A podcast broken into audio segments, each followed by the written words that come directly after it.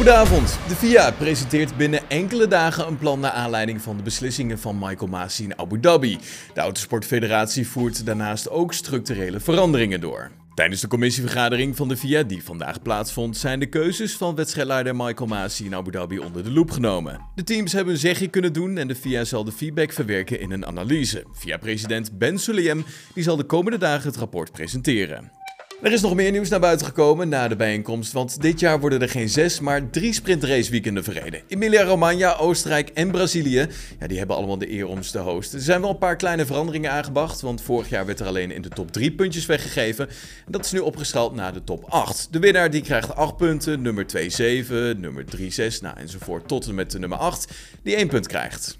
Tijdens de sprintraceweekenden wordt ook niet meer de pole position tijdens de sprint toegekend, maar aan de snelste band tijdens de kwalificatie op de vrijdag. En Alfa Tauri die heeft deze middag de AT03 gelanceerd. Het is natuurlijk de auto waar Pierre Gasly en Yuki Tsunoda achter het stuur gaan kruipen.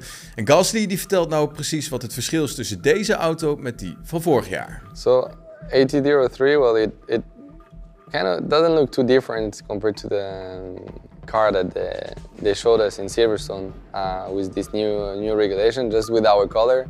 Uh, so obviously it, looks better with our uh, livery on the on the race car, but clearly compared to 2021, it's a huge change in terms of look, in terms of design.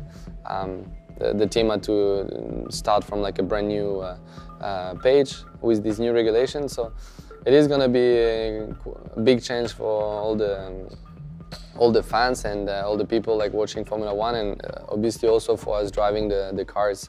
Um, it's gonna it's gonna feel different and gonna be a, a new challenge. Dat was hem dan het nieuws van vandaag. Heb je genoten van deze aflevering? Laat van je horen op onze Apple Podcast pagina of volg ons op Spotify. Zie ik je morgen weer. Tot dan. Hoi.